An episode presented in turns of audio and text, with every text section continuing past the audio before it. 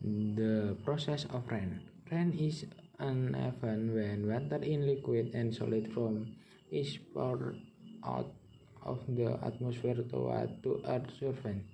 This is because the number of water droplets contained in the cloud increases to a state where the cloud is not longer able to accommodate the water droplet, so it will be dropped back to the earth surface in the form of water.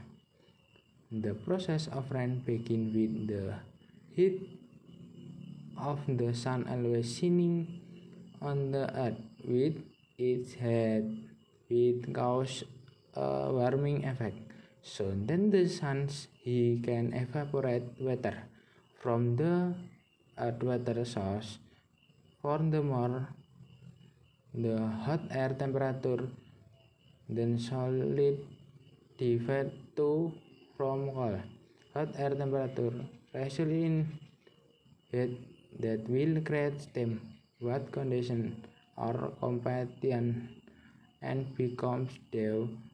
Dew is formed from small points so that the higher the air temperature makes the dew point denser and will form into cloud. Furthermore, with the help or the wind, it causes a gust of wind which will help the cloud move to another place.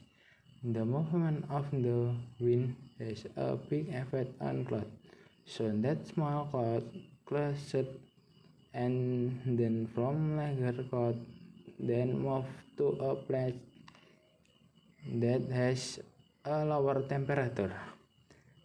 And the more cloud grains that are collected, the cloud will turn gray.